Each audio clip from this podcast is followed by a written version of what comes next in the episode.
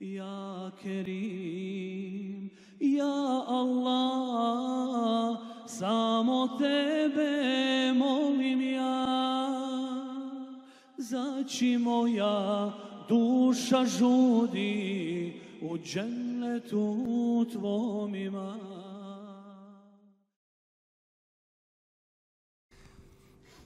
Alhamdulillah Rabbil Alamin, salatu wassalamu ala nabina Muhammed wa ala alihi wa ashabihi ajma'in, thumma ma ba'd. Mi smo govorili u našem zadnjem predavanju nešto vezano za za preventivu, je li tako? A, I došli smo do devete preventivne stavke, a to je konzumiranje hrane desnom rukom. Sukladno je islamskom bontonu jesti i piti desnom rukom, kao što je sukladno uzimati i davati desnom rukom. A, jer se desna ruka koristi za sve pohvalne radnje. Ajša radijallahu anha kaže da je Allahov poslanik sa osvijem koristio svoju desnu ruku za sve pohvalne radnje. Za čiste stvari, prilikom jela, a lijevu za čišćenje posle nužde i za otklanjanje neprijatnosti prljavštine. Hafsa radijallahu anha prenosi da je poslanik sa koristio svoju desnu ruku za jelo, piće i oblačenje, a svoju lijevu ruku za mimo toga. Sve mimo toga. Tako bilježi imam Ebu Dawud i tako bilježi imam, imam Ahmed. Oba dva hadisa bilježi. Kaže Jas ibn Selama ibn Lakwa da je njemu pričao njegov otac da je jedan čovjek u pristupu poslanika sa osaname jeo lijevom rukom. Pa mu je poslanik sa rekao jedi desnom rukom. Kaže ne mogu. Pa je rekao poslanik sa i ne mogao. Nikad ne mogao. Pa nije nakon toga nikada digao svoju ruku prema ustima. Spriječila ga oholost.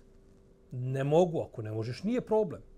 Ne može čovjek jesti, ne znam, desnom rukom, jedi lijevom rukom. Ima razlog, jer ima opravdanje opravdanje između ostalog i ne znam je s desnom rukom. Je li to opravdanje?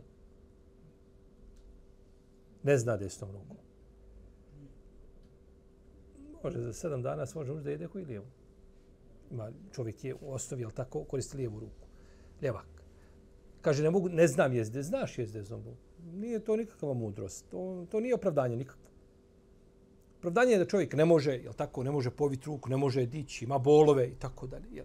Ali ovaj kaže se u hadisu, je bitno, što je bitno u hadisu, jeste da ga je spriječila oholost.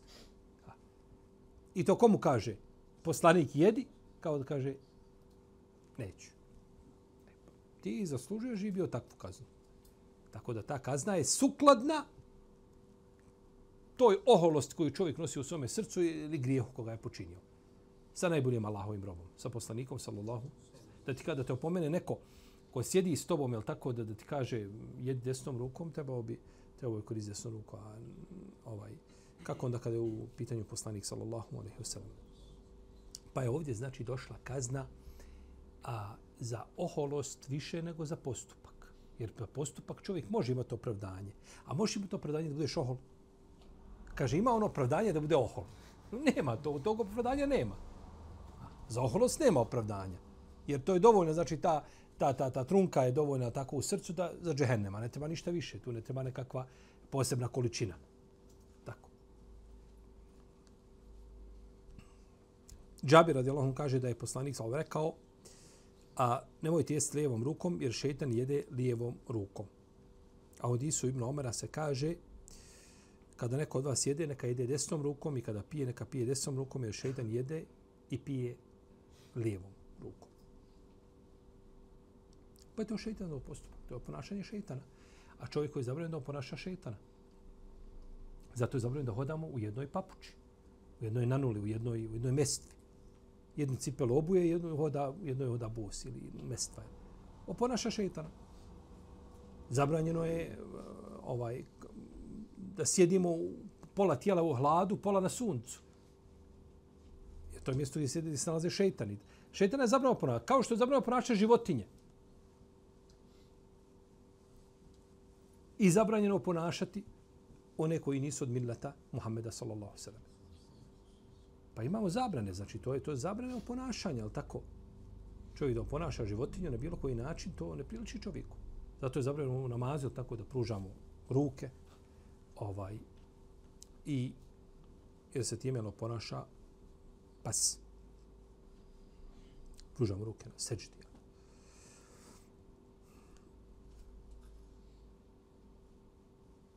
I poslanik kad je to poredio, poredio, tako? Poredi ponekad ružne postupke, ali tako? Kao ovaj kada kada kljucne kokoš kada neko klanja al tako? Samo na brzinu al tako? Otklanja ga ovaj namaz munafika i čovjek znači a, ne smije oponašati a, šejtana to je zabranjeno. Jer oponaša najgorega Allahovog groba. A, oponašati ovaj nekoga ko nije na stepenu šejtana nije ispravno a grešnik je tako pa kako onda oponašati je li a, šeitana i činiti onako kako on čini. Deseto je konzumiranje umjerene količine hrane. Uzvišen je Allah je opisao vjernike riječima oni koji u stvari kaže oni koji ne vjeruju naslađuju se kao što se naslađuje stoka. Je kulune kema te kulun kao što jede stoka. A i kaže njihovo prebivalište će vatra biti. A Miktam bin Mad Jekrib radijallahu kaže, čuo sam poslanika sallallahu da je rekao čovjek neće napuniti goru posudu trbuha. Dovoljno je nekoliko zaloga je da održi da ispravi svoj kiču. A ako već mora, neka jede trećinu da bude za hranu, trećina za pića, trećina za disanje, da bi lakše mogao disati, da ne, nek se te, kada ne diše se, jel tako, e, stomakom, u tom smislu, ali jeste, ćeš pritisnuti koliko se natrpa čovjek, ne može disati, jel tako, težak je, jel tako, ovaj, i iz toga je, ovaj, a, umjereno konzumiranje hrane, a, osnovni razlog za održavanje čovjekovog zdravlja. Možeš se baviti sportom i Međutim, ovaj konzumiranje hrane je jako bitno. Jer ponekad čovjek ne može potrošiti sve kalorije koje unese u organizam i onda to se negativno odražava na tijelo. I ovo je bolest vremena. Ovo je bolest vremena. Zašto? Zato što ljudi žive u blagostanju rahatluku. Imaju. Imaju i onda, jeli ovaj. I oni koji nemaju, imaju.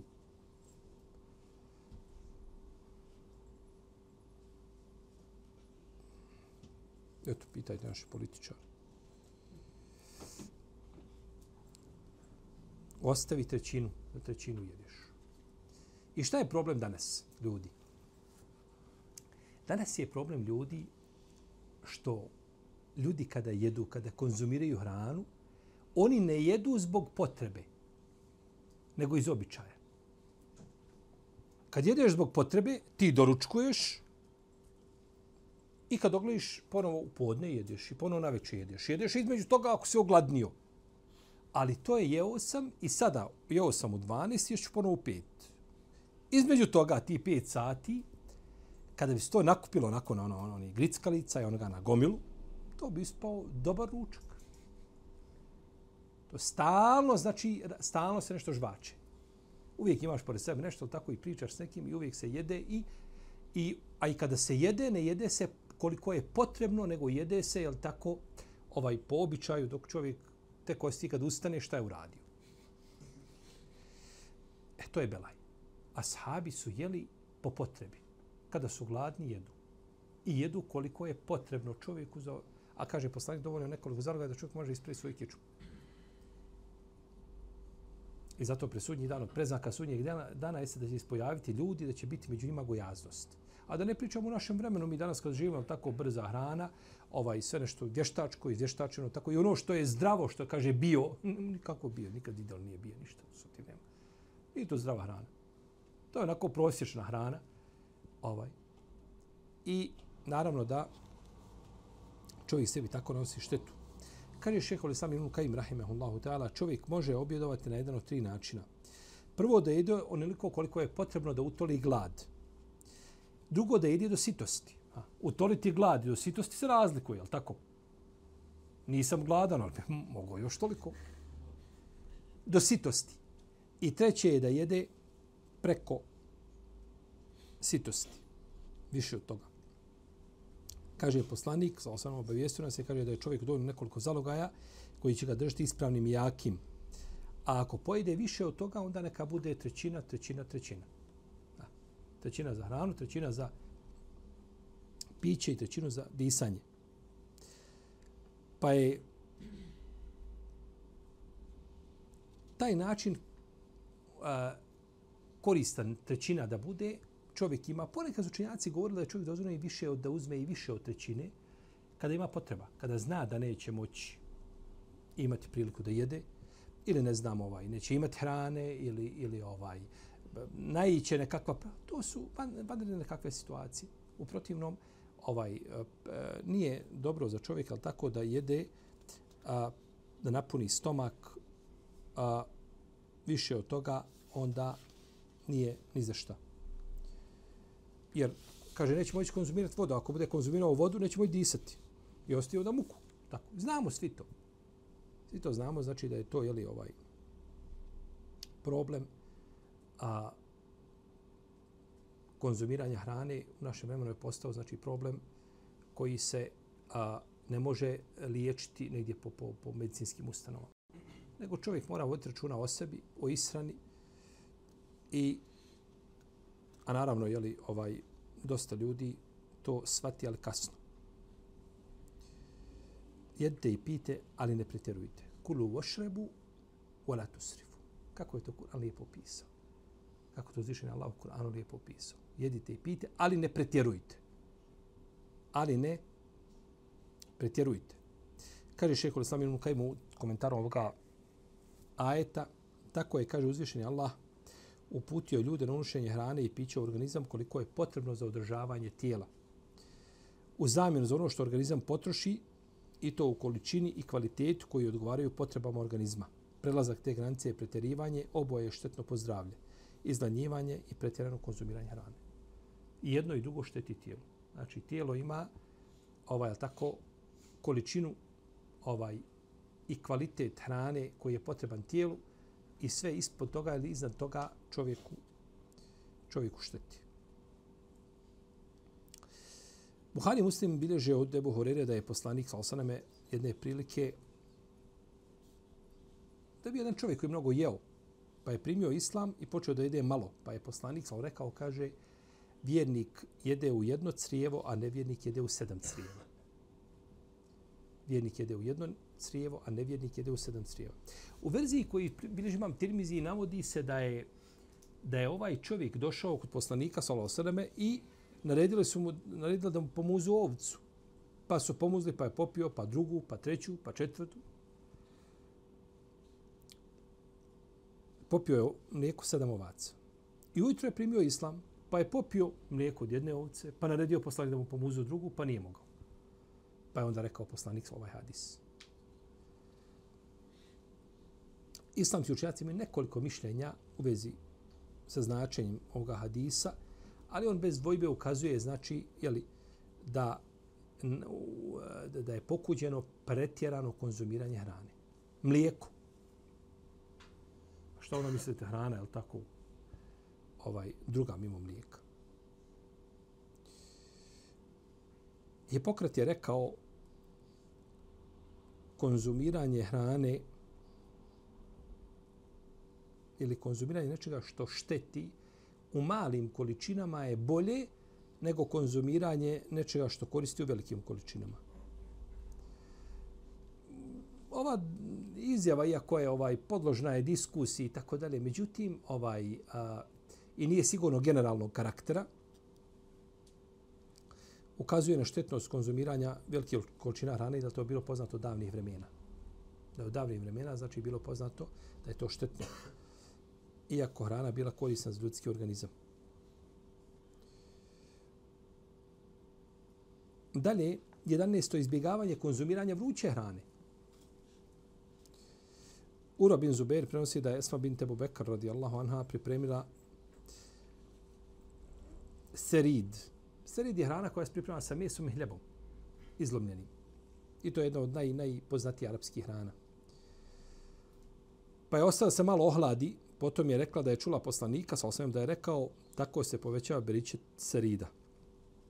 Tako se povećava beričet serida. I ovu predaju bližima Mahmed drugi se vredostojim lance prenosilaca. Znači da se ohladi, da hrana malo jel, stane. Ebu Horira radi on kaže da je poslanik sa osaname jednom prilikom da mu je donošena vruća hrana, pa je jeo i kada je završio rekao, kaže, hvala Allahu, moj stomak, kaže, već dugo vremena nije ušla vruća hrana. Hoće kazati, ja ovo ne jedem, ja ovo ne konzumiram na ovakav način. Ovaj hadis, veliki broj hadisi slušanja ga ocenio prihvatljivim. Neki su ga odbacili. A mnogi su ga prihvatili. Imaju drugi slabi hadis u vezi s ovim pitanjem. U vezi s pitanjem čega? Konzumiranja vruće hrane, zabrane. I pogrde toga. Ali su slabi hadisi. Ebu Horeira radijallahu anhu je govorio hrana se neće jesti sve dok se ne prestane pušiti. Kad se prestane pušiti, onda je za taban za, za konzumiranje. Pa vruću hranu treba ostaviti da se malo ohladi i da postane topla i prijatna za konzumiranje. Jer nije to ispravno činiti kako sa šerijetskog, tako i sa medicinskog aspekta. Tako. Nije niko rekao ni medicina, ne kaže tako da je dozvoljeno ovaj koristiti tako mm, i ovaj konzumirati nešto što je vruće. Imam Šaukani kaže neće osoba puhati u posudu da bi ohladila vruću hranu, već će sačekati da se hrana ohladi. Isto tako neće konzumirati vruću hranu jer u njoj nema beričeta. Vrelo piće je piće stanovnika vatre.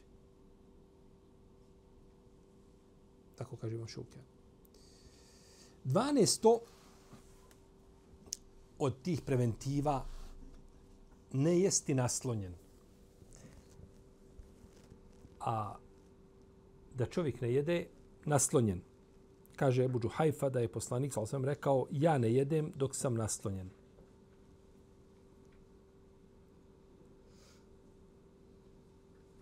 A u jednom neispravnom hadisu prenosi se da je Atajbn Jesar rekao, vidio je Džibril ali i selam poslanika, sallallahu sallam, da jede naslonjen dok se nalazio na najuzvišenijem dijelu Mekije, pa mu je rekao, tako jedu kraljevi.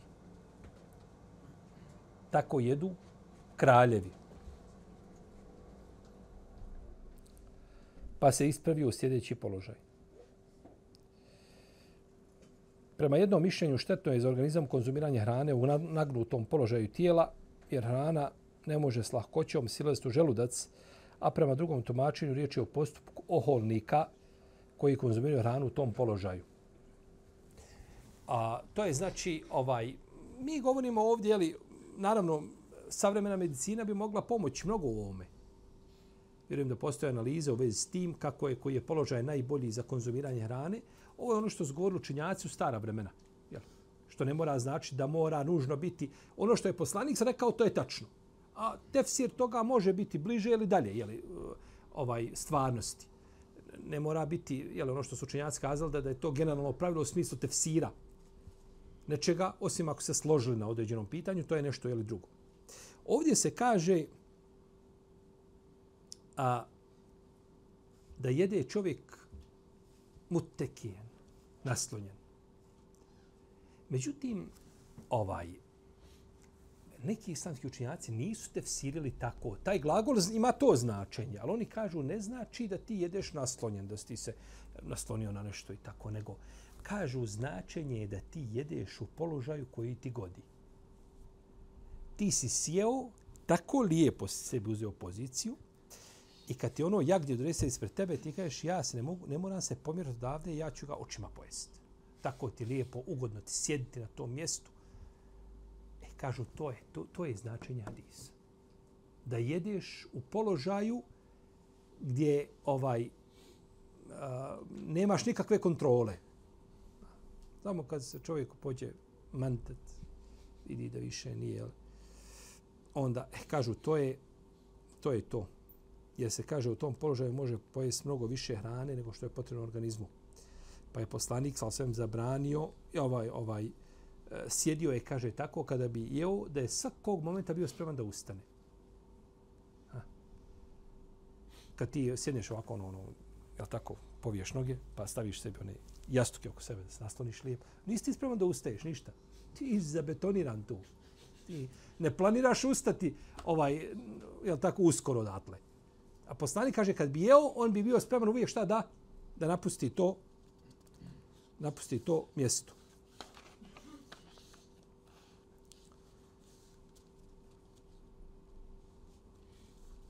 Abdullah ibn Busr, radi Allah, kaže, poklonio sam se, poklonio sam posla, poslaniku, sal sam pečenu ovcu. Kaže, kleknuo je na svoja koljena i jeo neki pustinjak upita, kakvo je to sjedinje Allahu poslaniče? Kaže, Allah me učinio plemenitim robom, a nije me učinio uobraženim i nepokornim. To bi režio Budaud, imam Ibn Mađe sa dobrim lancem. A imam Ebu Šejh Raspehani u poglavlju objedovanja poslanika, sa osadame, zabilježio je hadis u kome u boji Ibn Kjab kaže, jer vjesnik sa osadame bi kleknuo na svoje koljena kada bio, a ne bi se naslanjao. Ne bi se naslanjao. Govorim šta o ovom položaju, jel tako, kome koji čovjek ugodi. Taj položaj je našto vezan za stolove, kad sjedi ovako na stolici, lijepo stoji ispred tebe. To je položaj, može biti lepši, jos nasloniš se nazad, jel tako? Ovaj. I ovo je sve znači preventivno da se neko ne kaže niko da je zab, da neko ne sveti ja, ovaj, od čas može samo jeste ovaj hljeb i onako nešto malo sira i slično tome. Nije zabranjeno jest ukusne i ovaj vrste hrana i raznovrste, to nije problematično. Problematično je pretjerano konzumiranje hrane koje nije potrebno organizmu i koje mu šteti. E to je problem. A drugo nije problem. Drugo nije problematično kaže Ibrahim Enaha i prezirali su konzumiranje hrane naslonjeni da se ne udebljaju. Ovo, kaže, naslonjeni opet slodno tumačenju čega? Jeli, značenje, šta znači naslonjeni? To da si naslonješ na stranu, ili to zaista da uzmeš, jer ovo tumačenje da se uzme zaista položaj u kome se može, ima, ima svoje mjesto. Da. Pa bi tu onda šerijatsko značenje u, a, bilo različito od čega? Od jezičkog značenja Šerijatsko značenje bilo različito od čega? Od jezičkog značenja. A u islamu ima pravilo, u šerijetu ima pravilo, kada se kosi jezičko i šerijatsko značenje, prednost daje šerijatskom značenju. Dobro, ako ovdje šerijatsko značenje, je tumačenje učinjaka. A? Opet je tumačenje učinjaka, nije a, došlo da jeli, nešto što je ovaj e, nepobitno jeli, ovaj potvrđeno šerijatom. U svakom slučaju, ovaj kaže prezirali su konzumiranje hrane da se ne udebljaju. Šejh Osam ibn Kajim u vezi s ovim hadisom ja ne jedem dok sam naslonjen. Kaže prema jednom tumačenju to znači da je poslanik sa osaneme sjedio presavijenih nogu, a drugi tumače, jer o to mislite ovako da su presavijene noge, kao što sjedi na etehijatu.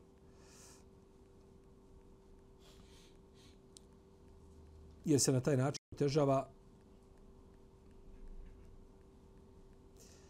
prirodno kretanje, konzumiranje, omogućavanje i onemogućava se njeno normalno spuštanje prema želucu. U takvom položaju izvrši se pritisak na želudac, mijenja se njegov oblik i nije u mogućnosti primiti hranu na željen, na željeni način.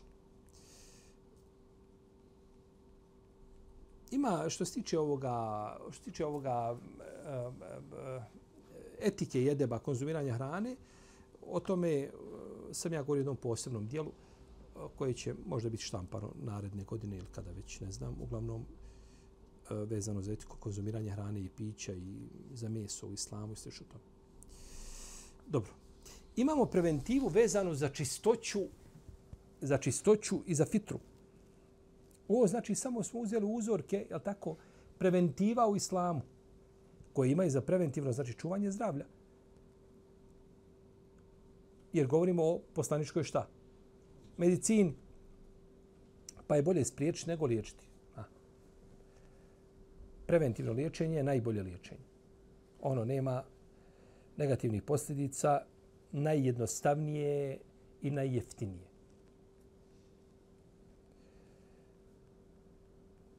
I daje najbolje rezultate svakako. Prvo, čistoća. Čistoća je dio imana. Ebu Malik Ešari radijallahu anhu kaže da je poslanik sa osvrame rekao čistoća predstavlja pola imana. čistoća predstavlja pola imana. A ona može biti tjelesna i duhovna.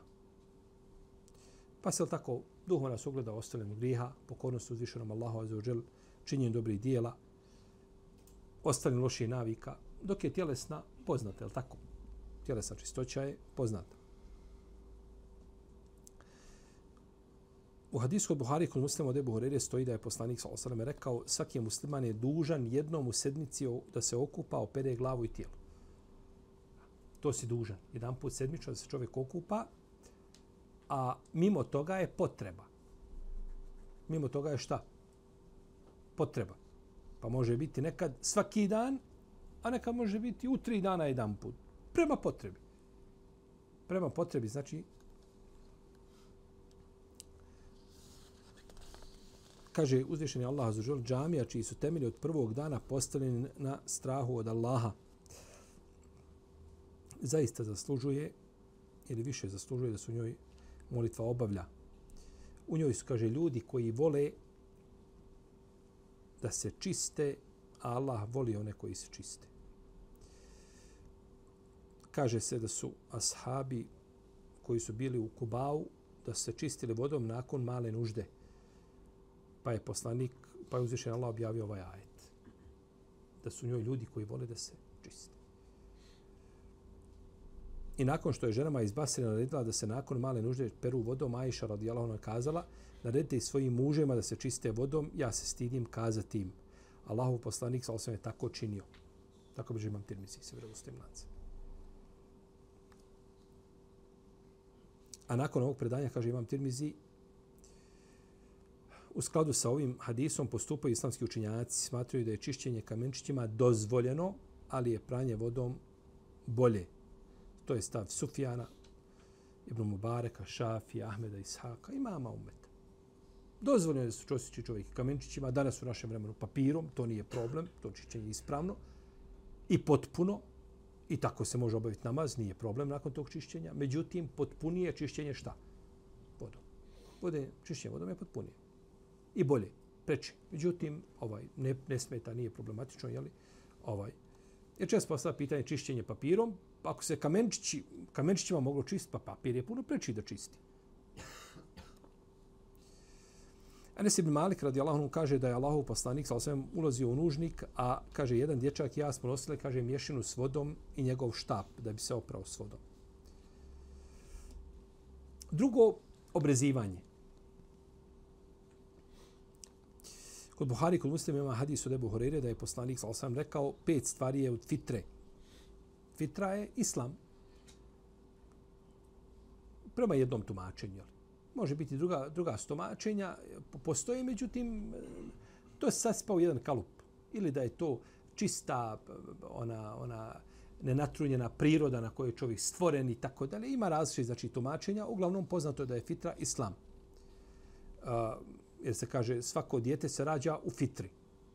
Kullu me uludin juledu al fitri pa ga onda njegovi roditelji učine jevrejem, kršćanom, ovim, onim. Ako ga učine kršćanom ili jevrejom, kako se, čemu se rodio onda? Kako se rodio? U islamu. Pa je fitra islam. Ja. Pa je fitra islam. Naravno što ne znači da ćemo i njega tretirati muslimanom.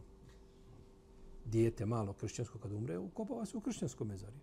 Sledi roditelje. Neće se ukopati u muslimansko. Da kažemo, imamo kao hadis, fi, fi, ja tako se rađa svako djete u fitri. Ne, ono sledi roditelje. Sledi roditelje. A na sudnjem danu ima poseban status.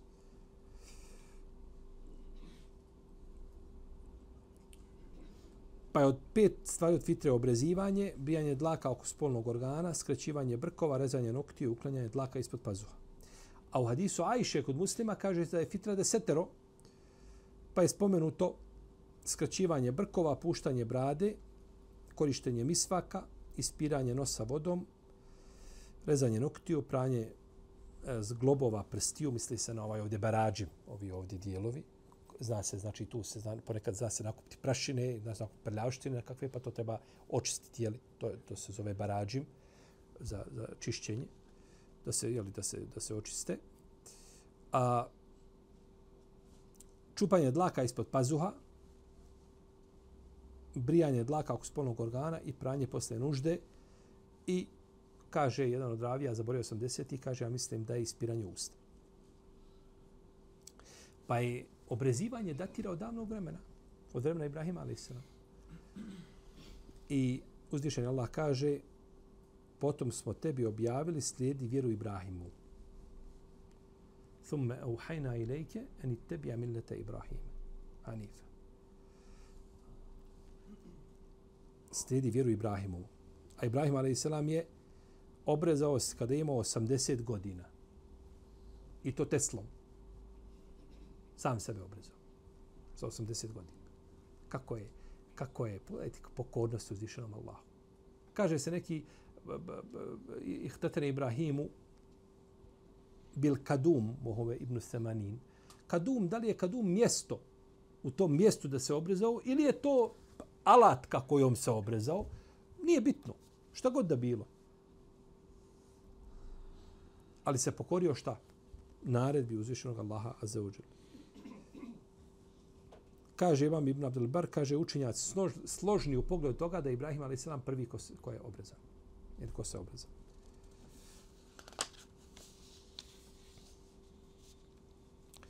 U sunetu poslanika sa ne postoji jasno predanje koje bi ukazalo na vrijeme a, u kojem bi se dijete trebalo ili ne bi se trebalo obrezati. Tako tvrdi imam Ibn Munzir. Pa se islamski učenjaci razišli u vezi s vremenom obrezivanja djeteta. Da li se to obrezuje sedmi dan ili neposredno prije punoljetstva, budući da osoba zadužena šerijetskim propisima nastupom punoljetstva po ispravnom mišljenju. Sedi Ibn Džubeir kaže, upitali su Ibnu Abasa koliko si godina imao kada je umro vjerovjesnik sa osaneme. Kaže, ja sam tada bio obrezan. Ja sam tada bio obrezan. A kaže, u to doba nisu obrezivali muškarca sve dok ne uđe u pubertet. Tako je rekao ko? Ibn Abbas. Došlo kod Buharije u Sahihu. Ibn Abbas je umro kada je poslanik imao 10 godina, prema jednom mišljenju. Drugi učenjaci kažu kada je imao 15 godina. Razilaženje.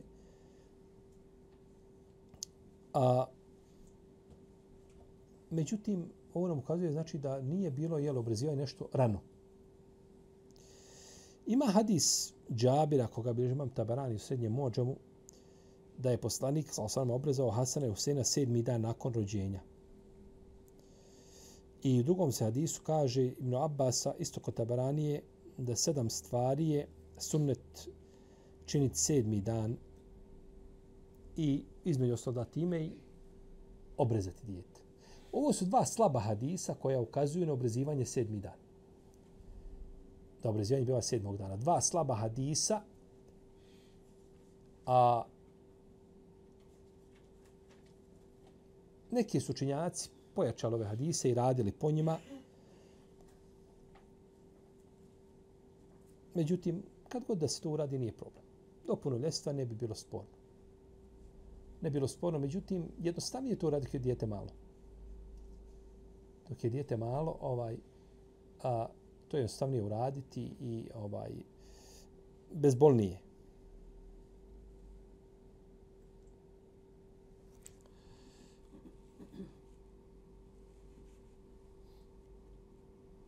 Tri, upotreba misvaka. Upotreba misvaka predstavlja jednu od najboljih metoda kada je riječ o oralnoj higijeni i lijepom izgledu zuba. Stoga je poslanik sa često spominjao misvaka s habima i preporučivao im ga, kaže mnogo, sam vam spominjao misvak. Tako došlo od Buhari. I navodi se da je poslanik sa osvijem koristio mi u različitim situacijama. Pa se tako navodi da je spominjao da je uzimao, da je koristio mi svak prilikom uzvanja abdesta, prije klanja namaza, neposredno pred džuma namaz, prilikom ulaska u kuću, kada bi se probudio noću i tako dalje. Čak je čistio svoje zube misvakom na smrtnoj posteli, neposredno prije smrti. I došlo je kod Buharije kao mu Alek predanje, kaže da se ne bojim da ću težati svome umetu, naredio im da koriste misvak pri svakom abdestu. Pri svakom abdestu. Zato su neki ashabi imali misvak poput tesara kad olovku stavlja za uho. Ovdje imamo mi svako ovako drži. On je zaidimo. Tako držu, izvadi, očisti, ponovno vratimo svak. Za uho. I kaže poslanik sa osanem, mi svakom se postiže čistoća usta i zadovoljstvo gospodara. Učenjaci četiri pravne škole smatraju sunnetom upotrebu misvaka pri abdestu tokom ispiranja usta. I došao od iskod Buharije da je poslanik sa nam rekao kupanje petkom je obaveza svakog punoljetnika. Ovo je najjači hadis i dokaz učenjacima koji kažu da je kupanje petkom vađib jer se kaže ovaj kupanje petkom je obaveza. Vađibun ala kulli muhteli. Svakom ko je punoljetan da mora se petkom vađib. Tako došlo u Adisu. Pa je jak argument onima koji kažu da je kupanje, iako džumhur uleme kažu da kupanje nije vađib petkom. Jel? I kaže da, da očisti svoje zube misvakom i da se namiriše koliko je u mogućnosti. A, pa je kupanje vađib i čišćenje šta? Usta misvakom i miris kažu mi svaki miris nije vađib definitivno. Pa kažu da šta nije ni, ni kupanje. Jel? Međutim, u najmanju ruku, prema razilaže među lemom, ukazuje na pohvalu tog čina. To bez sumnje ikakve. To niko nije kazao i ne treba mi sva koristiti. Mi svak je nekad bio, to više ne treba koristiti.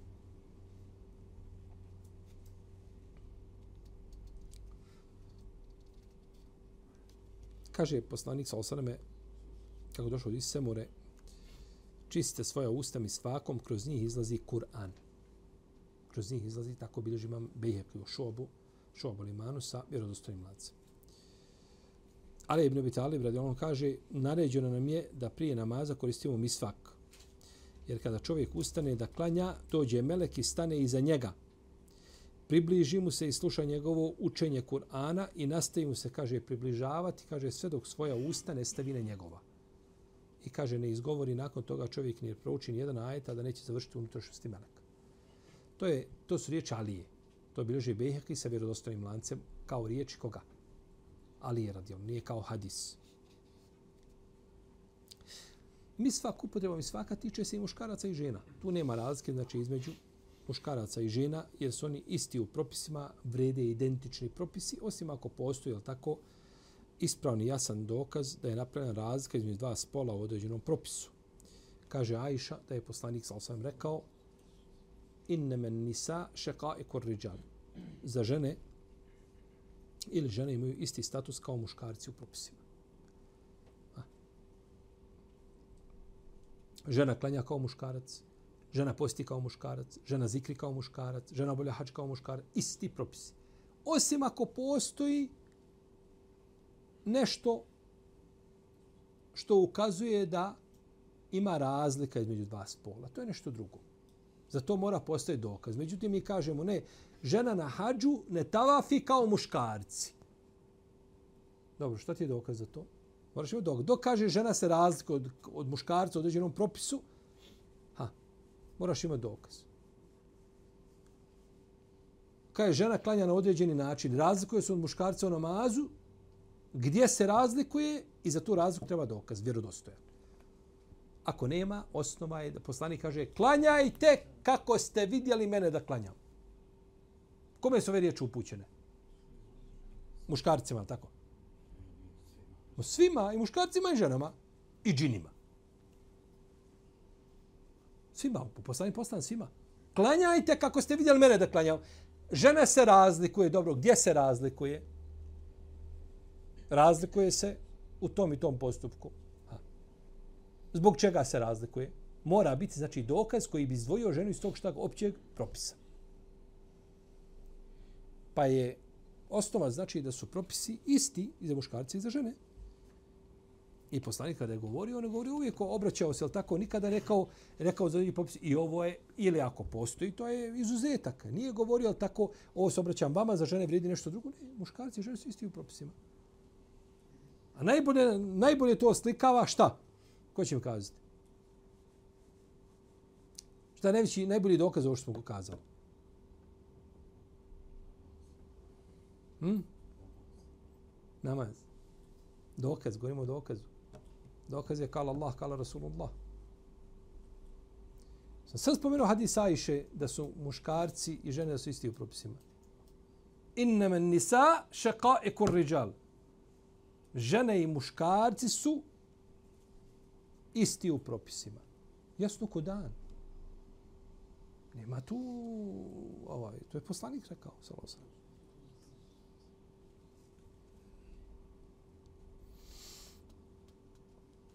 Pa je, kaže Ajša radijallahu anha, da bi koristio poslanik sa misvak, a zatim ga dao meni, kaže da ga operem. Pa bi, kaže, prvo bi očistila svoja usta njime, zatim bi ga oprala i vratila ga poslanik zbog bereketa. Ona ne prvo oprala pa onda čistila, nego želi, jel tako, zbog bereta, bereketa pljuvačke poslanika, sad očisti svoje usta i nakon toga ga opere i vrati ga njemu. Sallallahu alaihi resulillah. Pa je ženi to pohvalno, naravno kad dolazi u bliski kontakt sa mužem, jer je tada je tako pohvalno da vodi računa o oralnoj higijeni. Pa su hadis koji postiču na misvak opće karaktera i oni se znači tiču i muškaraca i žena.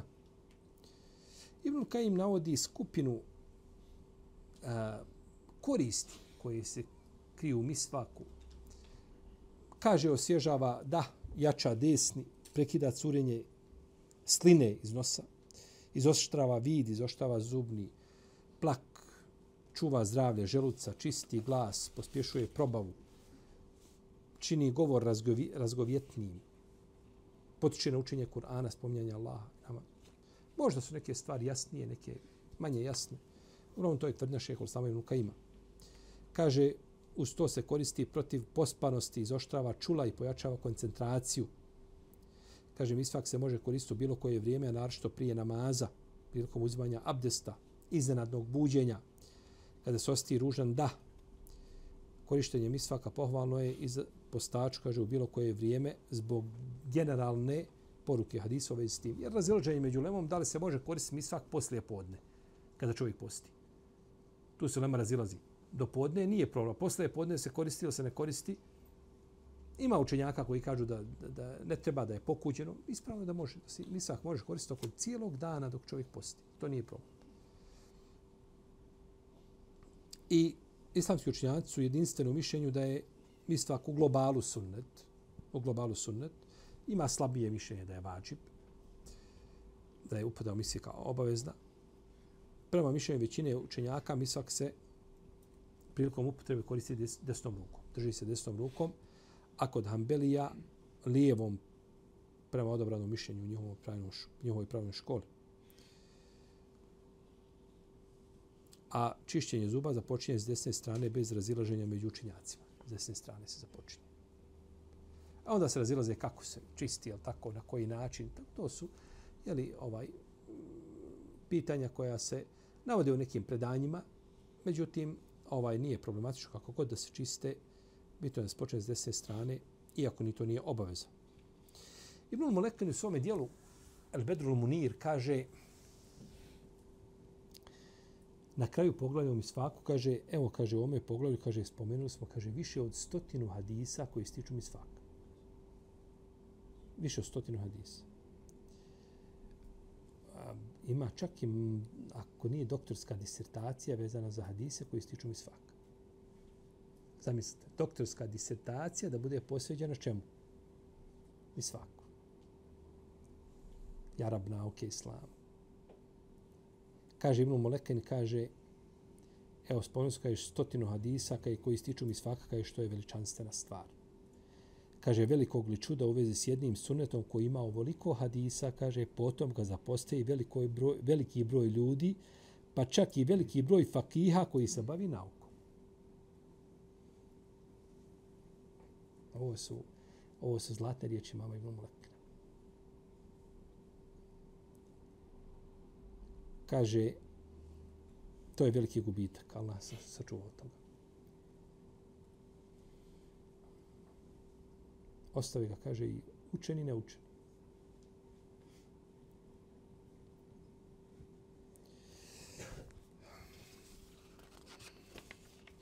Dobro. To bilo nešto s preventivom koju smo planirali govoriti. Allahu te ala, sallallahu ala nina Muhammed, wa ala alihi wa sahbihi.